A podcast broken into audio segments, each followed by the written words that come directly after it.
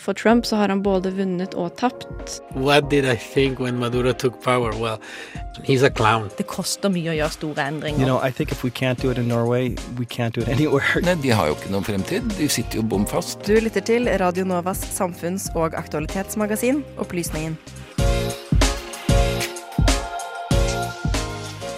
I Storbritannia blir ferieskandaler svært dårlig PR for de konservative. Bør Boris Johnson være bekymret? For ikke lenge siden var det krigen i Syria som dominerte forsider, der vi snakket om IS, kjemiske våpen og flyktningstrømmer. Men hva skjer egentlig i Syria nå i 2021? Og I Norge er vi stolte av Nobels fredspris, men i Bergen har vi også en annen fredsfremmende stiftelse. Hva er Raftoprisen? Og den utfordrende situasjonen i Afghanistan stiller etiske spørsmål om asylpolitikken i Norge. Vi skal snakke om rimelighetskravet. Og for ti dager siden dro den russiske skuespillerinnen Julia Peresil til ISS i verdensrommet. Hva er fremtiden for sivil romturisme?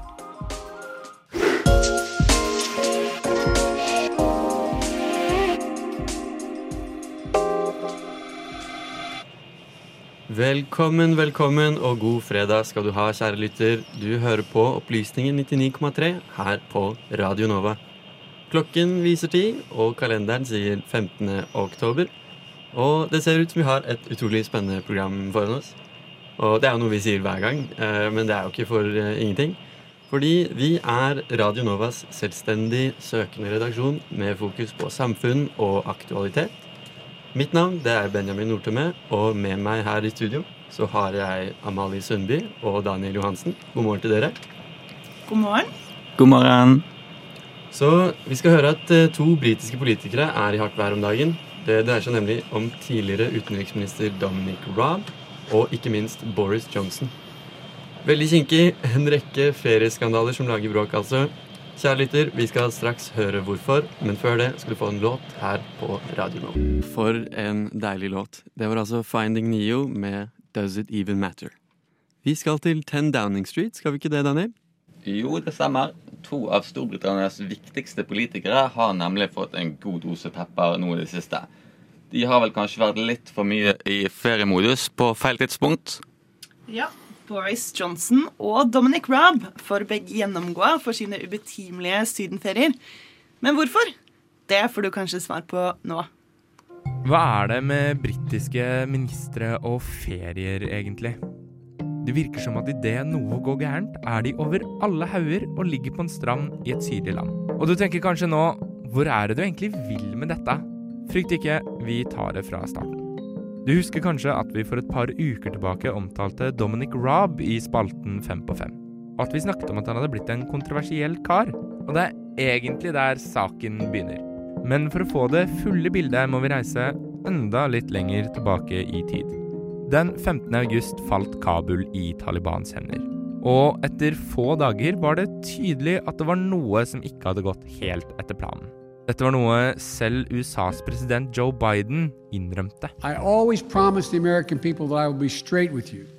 The truth is, this did unfold more quickly than we had anticipated. Men da Boris Johnson skulle komme med den samme innrømmelsen, innrømte han kanskje litt mer enn det han egentlig skulle. What is not true is to say that the UK government uh, was unprepared or did not foresee this. Hadde dette vært en TV-sending, hadde du skjønt bedre enn det du gjør nå hvorfor jeg trekker fram dette klippet.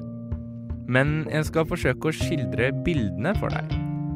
For idet Boris Johnson forteller at den britiske regjeringen så for seg og forutså situasjonen, lener flere parlamentsmedlemmer, bl.a. medlemmer av hans eget parti, seg fram i setet og ser forvirret bort på Boris Johnson. Regjeringen forutså kanskje hendelsene i Afghanistan, men svært få forutså at Johnson skulle si akkurat det han skulle si. Men nok om Johnson og Afghanistan. For selv om Boris Johnson kanskje ikke akkurat gjorde det han skulle, er det egentlig ikke Johnson vi skal snakke om akkurat nå. Vi skal til en annen minister, tidligere nevnte og tidligere utenriksminister Dominic Raab. Fordi vi skulle kanskje tro at når man er utenriksminister og en så kritisk situasjon som den i Afghanistan oppstår, jobber man på overtid. Men akkurat i dette tilfellet heiv ikke Raab på seg fillene og slang i seg kaffekoppen og dro på jobb. For idet Afghanistan falt, var ikke Dominic Raab å finne verken i hovedkvarterene på King Charles Street eller hjemme. Nei, idet Afghanistan falt, satt Dominic Raab på en strand på Kreta. Og idet Taliban overtok kontrollen over landets hovedstad, og statsminister Boris Johnson ba han komme hjem, bestemte Raab seg ikke for å ombooke flybillettene, men bare forbli på Kreta. Og til Afghanistans utenriksminister Mohammad Harif Atmar var det ikke Dominic Raab som slo på tråden, men ansvaret ble heller overlatt til statssekretæren for Utenriksdepartementet, sir Zack Goldsmith. Dette ble møtt med krass kritikk fra politiske motstandere. Blant dem lederen for opposisjonen, sir Keir Starmer. The Foreign Secretary shouts now, but he stayed on holiday while our mission in Afghanistan, in Afghanistan was disintegrating. He didn't even speak to ambassadors in the region as Kabul, as Kabul fell to the Taliban. Let that sink in. Let that sink in. You cannot coordinate an international response from the beach. Boris Johnson hadde også selv dratt på ferie rett før Afghanistans fall. Men i motsetning til Rob var han tilbake på kontoret kun etter tre dager. Han valgte altså å avbryte ferien for å løse opp i en utrolig komplisert politisk situasjon. Så er det åpenbart oppe for debatt hvor god denne løsningen var, men la oss ikke stusse over det, for vi skal tilbake til Rab i hvert fall litt til. Da Johnson åpnet døra og hang fra seg frakken hjemme i 10 Downing Street, kontaktet han som nevnt Rab og ba han om å komme hjem, noe Rab ikke gjorde. Og kontroversene stopper ikke der, for Rab ble innkalt til en høring om Afghanistan, og nektet å svare på når han dro, noe som i og for seg er pussig nok. Again, for the sake of transparency of your own actions, when did you go on holiday? What dates did you go on holiday? Not mean- interested in what you did there. What date did you go? Look, I I made a full What date did you go on holiday, Foreign I've Secretary? made a full statement. I think your own personal transparency is important. What date did you go on holiday? I made a full statement on it. Uh, I also was clear I should have. Did the statement include the date that you left and the at, country? at all material times. Why, ca- why can't you just answer this question? This is absurd. Du blir med andre ord ikke en populær minister av å dra på ferie under politiske katastrofer, noe som viste seg da Raab ble fratatt rollen som utenriksminister og heller ble utnevnt til justisminister. Men her kommer vendepunktet. For som du sikkert har fått med deg, er Storbritannia midt oppi en ganske alvorlig krise. Mangler på bensin og CO2 fører til at køene hoper seg opp ved britiske bensinstasjoner, og at landets butikkhyller nærmest er ribba. Og midt i denne krisen meldte Boris Johnson forrige uke at han skulle ta seg en ferie til Marbella. Med andre ord, det er kanskje noe med britiske ministre og ferier.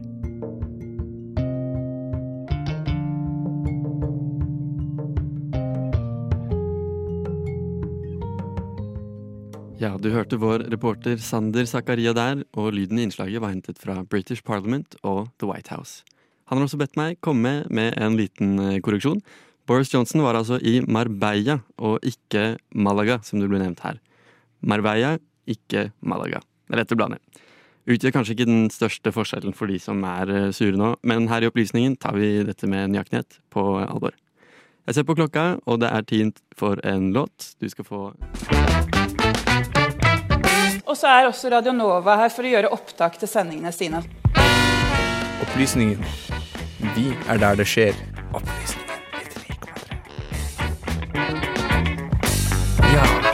Vi skal prate om Syria, og vi skal ta noen skritt bakover i tid. Eh, Men vi trenger ikke dra så veldig langt før vi finner avisforsider dekket fra kant til kant med Syria-stoff. Ja, det var mye dekning av borgerkrigen. Og det var så klart IS. Men nå for tiden hører vi ikke så mye om dette landet. Er det fortsatt krig? Hva er det egentlig som foregår i Syria i disse dager? Krigen i Syria markerer sitt tiårsjubileum.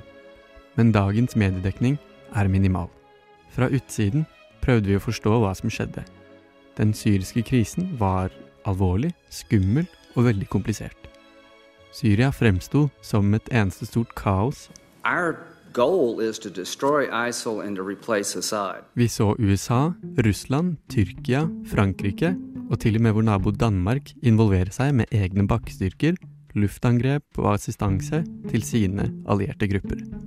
Det autoritære Assad-regimet kjempet mot vestligstøttede motstandsstyrker, mot kurdiske militser, og alle kjempet mot IS, den islamske stat. En radikalt ny trussel som vokste og kapret terreng på rekordtid. En analyse vi har gjort med Google Trends for søkeordene Syrian Civil War, kan fortelle oss at nysgjerrigheten har beveget seg i takt med intense perioder i krigføringen, og ikke minst i kjølvannet av store terrorangrep i Europa, i 2015 og 2017. Men siden den gang har interessen flatet ut betydelig. Har det ikke lenger nyhetsverdi? Mens omverdenen mistet nysgjerrigheten, skjedde det noe i Syria. Landet har frosset i en politisk og geografisk deadlock. Syria er i praksis fire forskjellige autonome soner med fire helt ulike styresett. La oss bryte det ned, sten for sten. Ca. 65% av Syria styres fortsatt av det gamle Assad-regimet. Du er den greatest sønnen av Syria, Bashar al-Assad. Med Russland og Iran i ryggen har de overlevd ti år med stridigheter, og har til enhver tid kjempet en krig på minst tre fronter. Fra presidentpalasset i Damaskus hevder Assad å være Syrias eneste legitime makt. Så lenge krigen har pågått, har Assads handlinger vekket sterke reaksjoner og fordømmelse fra FN. Det ser aller mest ut som en smørbrødliste av grove menneskerettighetsbrudd. Blant annet har han brukt ulovlige kjemiske våpen på egen sivilbefolkning, og ført en helt hensynsløs krigføring for å beholde makten. I mai sikret Bashar al-Assad seg nylig en valgseier, og kapret angivelig 95% av stemmene. Men det er noe som skurrer, på flere punkter. Det er nesten unødvendig å påpeke at valget var svært grumsete, for inni Assads sone finnes det ingen reell opposisjon. De er fengslet, fordrevet eller drept i krig. For øvrig fanges de fleste opp av Assads sikkerhetspoliti. Ytterligere 10% av Syrias territorium styres av den såkalte frie syriske hæren. En opprørsgruppe som i snart ti år har styrt Idlib-provinsen i Syrias nordvestlige hjørne. Det har ikke vært spesielt lett. Byen Aleppo, som lenge var hovedsete til motstandsstyrkene, ble beleiret og bombet fullstendig i stykker. Kampen om Aleppo ble et fire år langt inferno, og drev hundretusener av uskyldige syrere på flukt, både internt og til utlandet. Den frie syriske hæren har i ulike faser fått støtte av vestlige myndigheter. Can you tell us what the total number of trained fighters remains? Uh, it's a small number. The ones that are in the fight uh, is, uh, is we're talking four, four or five. Men har slitt med å egentlig forenes om en felles plan, politikk eller ideologi. Det er med andre ord et løst og ustabilt samvelde i nordvest, som består av forskjellige islamistiske grupper i mykere og hardere innpakning, desertører fra Assads hær, og det som er igjen av de originale liberale stemmene fra den arabiske våren. Idlib-provinsen omtales gjerne som motstandens siste festning. Nå i 2021 har verken USA, Frankrike, Danmark eller Norge særlig mye kontakt eller oppsyn med styrkene i Idlib. Men i nord har Syria en kjempelang grense med Tyrkia. Og når jeg sier Tyrkia, er det nok mange som i første rekke tenker på steder som Antalya og Alanya, på sol og strender og ferieparadis langs Middelhavets kyst. Militær okkupasjon er nok en baktanke, om det faller oss inn i det hele tatt. De siste fem årene har den tyrkiske hæren rykket stadig lenger inn fra nord, og har nå okkupert nærmere 10% av sitt naboland. Men Erdogan, hvorfor i alle dager har han invadert Nord-Syria? Tyrkerne har hatt to mål. På én side støtte den frie syriske hæren etter Vesten hadde gitt opp det prosjektet, og på den andre siden bremse opp for den kurdiske minoritetens frigjøringskamp. Tyrkiske myndigheter er livredde for å miste maktbalansen internt i sitt eget land, der det bor 20 millioner kurdere som har en annen kultur. Selvstyret henger høyt for en såpass stor folkegruppe som har blitt undertrykt og lever splittet i ulike land. Kurderne er altså sist, men ikke minst. Rojava er navnet på den kurdiske sonen, og dekker 15% av territoriet. Her i nordøst har kurdiske styrker opprettet en sekulær stat. Et direkte demokrati basert på anarkistiske og feministiske prinsipper. De avskaffet dødsstraff, desegregerte skolesystemet og innførte mer selvstyre til lokale klaner og minoriteter. Med andre ord er det en slags skjebnens ironi at Rojava styrer de samme områdene der IS regjerte for bare noen få år siden.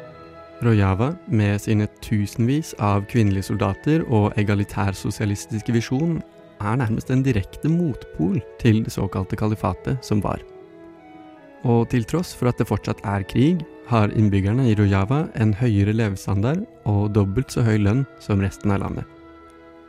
Og nedsiden Vel, ansvaret for store flyktningleirer og overfylte fengsler.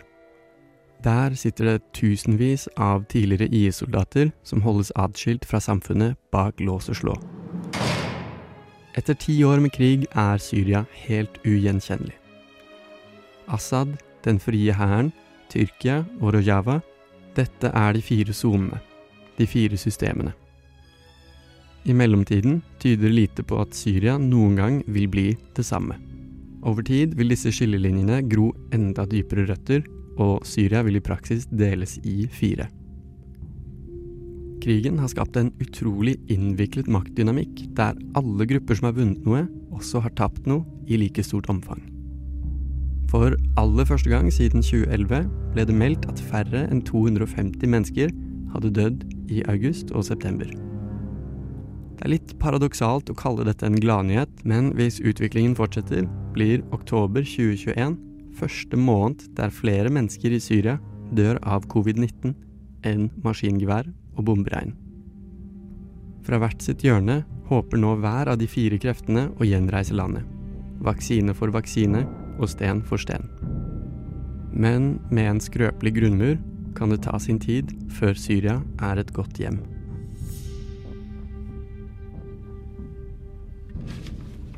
Reporter i, i denne saken var Benjamin Nordtømme. Lyden i innslaget var hentet fra C-SPAN, Wikimedia Commons og Sessions Blue. Ja, vi er straks tilbake med mer opplysningen, men først skal du høre Marianne Engebretsen med 'Light As The Moon'. Åh, det var en deilig låt. God dag og god fredag. Hjertelig god fredag morgen. God morgen, god morgen, god morgen og god morgen. God morgen og velkommen til Opplysningen, Radio Nova sitt samfunns- og aktualitetsmagasin. Med opplysningen 99,3 på øret, ja, da blir det en god fredagsmorgen. Opplysningen 99,3 hver fredag fra 10 til 11 på Radio Nova. Ja. De fleste i Norge kjenner til Nobelinstituttet og Nobels fredspris, men i Bergen har vi også en annen kjempeviktig fredsfremmende organisasjon som også deler ut sin årlige pris. Vi skal høre litt mer om dette. Hva er egentlig Raftoprisen? Høsten i Norge preges hvert år av et prisdryss i ulike kategorier. Men ute i den store verden legges Norge mest merke til for vårt engasjement for fred og menneskerettigheter. Oslo står kanskje mest sentralt i dette fredsbildet, men i Bergen sitter hovedsetet for Raftostiftelsen, som hvert år deler ut Raftoprisen. Det som er interessant med Raftoprisen, er at flere av de som har mottatt den, senere har vunnet Nobels fredspris. I likhet med Nobels fredspris kan alle nominere kandidater til Raftoprisen. I tillegg kan en egen priskomité bestående av aktivister, akademikere og andre eksperter foreslå andre kandidater. Styret i Raftostiftelsen tar den endelige beslutningen om hvem som blir tildelt Raftoprisen. Raftoprisen annonseres i slutten av september hvert år. I år gikk prisen til organisasjonen Human Rights Data Analysis Group. Dette er en ideell organisasjon i San Francisco med fem ansatte som jobber for å fremskaffe pålitelige og etterprøvbare beviser for brudd på menneskerettighetene. Raftostiftelsen påpeker at årets prisvinnere er innovative i sin bruk av metoder og bruker moderne løsninger i kampen for menneskerettigheter. Målet for Human Rights Data Analysis Group er at hvert menneske som har blitt myrdet, skal bli husket. De bruker statistikk, maskinlæring og vitenskapelige analyser som verktøy for å oppdage og dokumentere tortur, drap og andre brudd på menneskerettighetene rundt om i verden. Raftoprisen har blitt delt ut hvert år siden 1987. Prisen har gått til både enkeltpersoner og organisasjoner. Til nå har mer enn 30 personer fra hele verden mottatt prisen siden den ble delt ut for første gang. Har du hørt navnet Toralf Rafto? Han var professor ved Norges handelshøyskole og menneskerettighetsaktivist. Etter at han døde i 1986, ble det opprettet et minnefond som hvert år skulle tildeles en person eller organisasjon som arbeider for å fremme menneskerettigheter. I dag styres dette fondet av Raftostiftelsen, som årlig deler ut Raftoprisen. Den første Raftoprisen gikk til Jiri Hayek. Han var utenriksminister i Tsjekkoslovakia og blant grunnleggerne av borgerrettighetsbevegelsen Charta 77, som forsvarte de universelle menneskerettighetene. Pga. sitt engasjement i Charta 77 ble Hayek bl.a. tatt inn til politiavhør og truet på livet. Det var gjennom hans samarbeid og vennskap med Toralf Rafto at Hayek ble den første mottakeren av Raftoprisen. Raftostiftelsen har et uttalt ønske om å finne prisvinnere som er ukjente for folk flest. Formålet med dette er å løfte frem saker som ellers får lite oppmerksomhet. Prisvinnerne kan da bruke oppmerksomheten som prisen muliggjør, til å skape økt oppmerksomhet rundt deres kamp. Et poeng som skiller Raftoprisen fra Nobels fredspris, er at potensielle vinnere blir kontaktet på forhånd, slik at de kan vurdere om de ønsker å motta prisen eller ikke. For det er ikke nødvendigvis bare positivt å motta en anerkjent pris. Flere prisvinnere har opplevd at myndighetene forfølger dem i enda større grad når de har blitt internasjonalt anerkjent. Fire ganger i historien har det skjedd at en vinner av Raftoprisen også har vunnet Nobels fredspris. Det sier litt om arbeidet som gjøres i Raftostiftelsen, at Nobelinstituttet har kommet frem til samme beslutning flere ganger. I 1990 ble Raftoprisen tildelt Aung San Suu Kyi for å stå i front i kampen for demokrati i Burma.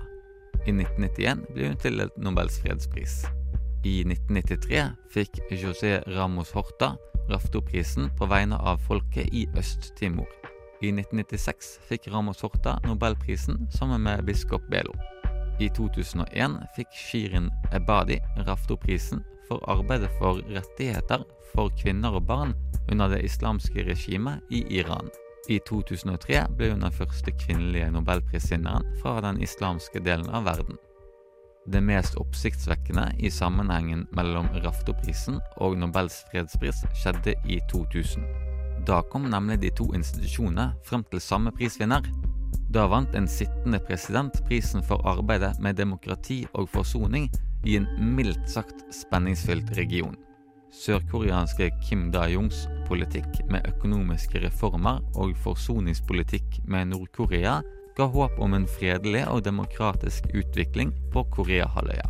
Kim Da-jung satt i fengsel i to perioder og fikk flere drapstrusler før han ble valgt til Sør-Koreas president i 1998. I 2000 fikk han både Raftoprisen og Nobels fredspris for den såkalte solskinnspolitikken for fred og forsoning på Koreahalvøya. Kim Da-jung gikk av som president i 2003, men arbeidet hans lever videre. Tror du at en vinner av Raftoprisen vil få Nobelprisen igjen, og i så fall hvem? Reporter i denne saken var Daniel Johansen, og lyden den var hentet fra sessions.blue. Anbefaler å ta en kikk på Human Rights Data Analysis Group. Utrolig hva disse fem menneskene kan få til. Vi er straks tilbake. Her kommer det en ny låt. Du hører på Opplysningen. Opplysningen. Opplysningen. Opplysningen. Opplysningen. Opplysningen. Hver fredag mellom klokken 10 og 11. På Radio Nova.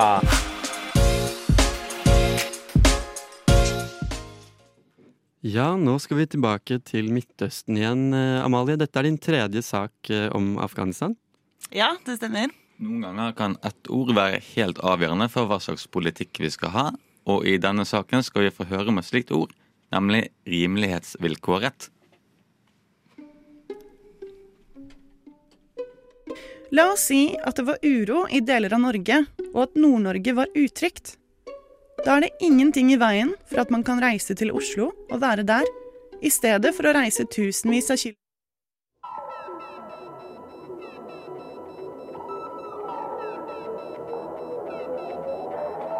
Full isolasjon, lag demon. Sier at det ordner seg, vet ikke hva jeg tror. Tror at du egentlig La oss si at det var uro i deler av Norge, og at Nord-Norge var utrygt. Da er det ingenting i veien for at man kan reise til Oslo og være der, i stedet for å reise tusenvis av kilometer til et helt annet land for å søke opphold. Fremskrittspartiets leder Sylvi Listhaug sa dette til Nettavisen i juni 2021. Hun snakket om internflukt, altså en tilværelse som flyktning i eget land, i en annen region enn der du flykter fra. Men hvorfor er Listhaug opptatt av internflukt i 2021? Vi må tilbake til flyktningkrisa i 2015 for å finne svaret. Du skal nå høre en fortelling om norsk asylpolitikk i fire akter. Kapittel 1 Flyktningkrisa. 1.12.2015 var en historisk dato. Da konkluderte International Organization of Migration med at antallet asylsøkere som hadde kommet til Europa i løpet av året, var passert én million mennesker. Til Norge var antallet asylsøkere i 2015 tredoblet sammenlignet med de siste årene. Over fire ganger så mange enslige mindreårige asylsøkere kom til Norge sammenlignet med året før. Mange av flyktningene kom fra Afghanistan. Kanskje fordi Taliban er i ferd med å få innflytelse i stadig flere provinser. I 2015 fikk 82% av de afghanske søkerne asyl i Norge. Kapittel 2 Regjeringen agerer. Den samme høsten spår regjeringen at økningen i antall asylsøkere vil koste Norge 9,5 milliarder kroner ekstra i 2016. Justis- og beredskapsdepartementet utarbeider dermed et lovforslag som skal få færre til å søke asyl i Norge. Et av virkemidlene er å fjerne rimelighetsvilkåret fra paragraf 28 i utlendingsloven. En av begrunnelsene er at begrepet 'urimelig' er uklart. I bakgrunnen for forslaget står det at rimelighetskriteriet har ført til at langt flere er blitt ansett å ha rett til flyktningstatus og oppholdstillatelse enn det som er nødvendig etter folkeretten. De skriver utlendingen kan etter dagens utlendingslov ikke henvises til internflukt hvis det er urimelig. Rimelighetsvilkåret foreslås opphevet. Kapittel 3 Rimelig retur. Så hvor urimelig er det å sende mennesker tilbake til internflukt i Afghanistan? Leksikon beskriver forholdene slik. Afghanske vintre er normalt krevende, med snø og kuldegrader mange steder, og både i slumområdene og i mer organiserte, men svært overbefolkede leirer, lider internt fordrevne under særdeles kummerlige forhold. Ofte preges forholdene av mangel på mat, vann og kull og olje til fyring, og av underernæring og temperaturer som jevnlig tar liv, da særlig av barna. Enslige mindreårige asylsøkere har krav på beskyttelse i Norge, men mange får midlertidig oppholdstillatelse og sendes tilbake når de blir myndige. NOAS og Flyktninghjelpen forteller at det er grunn til å tro at tvangsreturnerte 18-åringer uten nettverk er i en spesielt sårbar situasjon. Gutter blir ofte tvangsrekruttert til militæret, og jenter utsatt for seksuelle overgrep. I en undersøkelse for Redd Barna forteller én av fem informanter at noen hadde forsøkt å rekruttere dem til å kjempe i kamp, begå voldshandlinger eller på annen måte engasjere seg i væpnede grupper. Informantene forteller også om andre bekymringer, som at barn blir kidnappet til ulike former for sexslaveri. Barna frykter også at tiden deres i utlandet medfølger stigma. Et av barna forteller. Hvis du har bodd i Europa, regnes du ikke som afghaner. Du er ikke muslim lenger. Du er en vantro, og du må bli drept. Våren 2021 tar Taliban i løpet av få uker kontroll over store områder, og internasjonale styrker trekker seg ut av Afghanistan. Provinshovedstedene faller én etter én, og den 15. august inntar Taliban hovedstaden Kabul. Situasjonen i landet er svært usikker.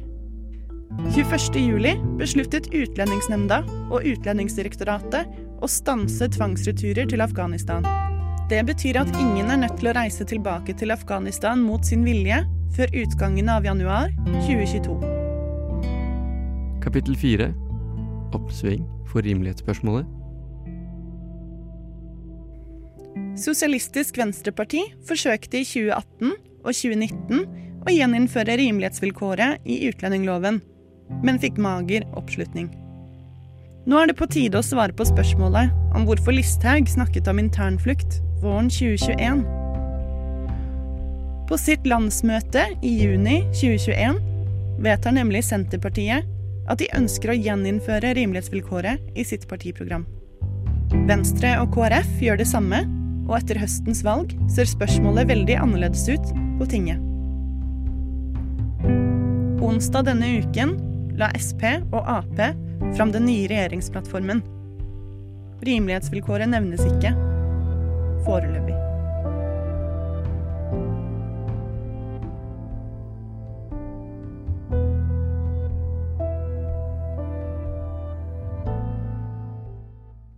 Reporter i denne saken var Amalie Sundby, og lyden den var hentet fra sessions.blue. Du skal få høre Verdensrommet med, verdensrommet med siste gang du hørte her på Radio Nova. Vi skal bli i verdensrommet litt til. Og så bruker han jo da også i forlengelsen av det dette ordet terrorist. ikke sant? På sett og vis er jo det USAs store gave til verdens eh, autoritære Finne et litt mer, litt mer nyansert språk der. De arabiske statene prøver å føre en sånn politikk hvor de kan støtte palestinerne i retorikk, men i praksis holde seg egentlig unna konflikten. Radio Novas samfunns- og aktualitetsmagasin Opplysningen gir deg historiene, sakene og debattene andre overser. Aldri redd, alltid balansert. Verdens store selskaper jobber med å få til en litt mer kommersiell romfart, bl.a. gjennom å frakte turister til verdensrommet.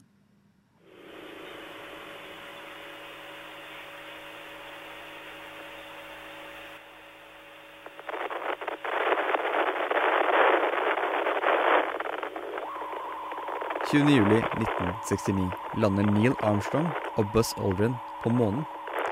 Det var da et stort steg for menneskeheten. Nå skal Jeff, Richard og Elon ta deg til verdensrommet bare du har lyst og du har råd. For ti dager siden sendte Roskosmos, russiske NASA, opp raketten Soyuz MS-19 mot den internasjonale romstasjonen ISS.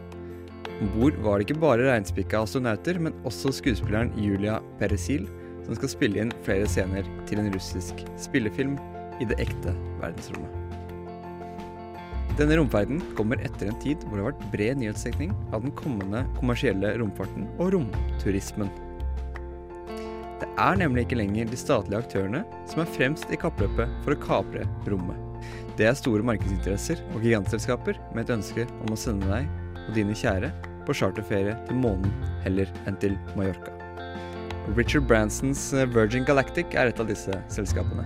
Det samme er Jeff Bezos' Blue Origin og Elon Musks SpaceX, selvfølgelig. Der romkappløpet tidligere handlet om amerikansk og sovjetisk ære, ser det nå ut som at dette moderne romkappløpet ser ut til å handle om en håndfull menns stolthet. Kappløpet handler ikke i grunn om det å få sivile turister ut i verdensrommet, for det får vi til i dag også dersom vi ønsker. Som eksemplifisert av Julia Peresild. Men heller det å få romferdene til å bli så kostnadseffektive at det er noe folk som ikke er milliardærer eller har backing av de russiske myndighetene, har råd til. Det første de, disse selskapene da setter seg som mål, er å skape romraketter man kan fyre opp flere ganger, slik som Blue Origins New Shepherd, som var første romrakett til å nå verdensrommet to ganger. Og så er det naturligvis kritikker å rette mot denne utvidelsen av menneskets samferdsel. Fra potensielt uventet hold uttrykte prins William torsdag 14.10 at det å redde klimaet burde gå foran romturisme, og oppfordret dermed verdens entreprenører til å se en annen vei enn rett til værs, og til det mystiske verdensrommet. Reporter i saken var Sebastian Hagel.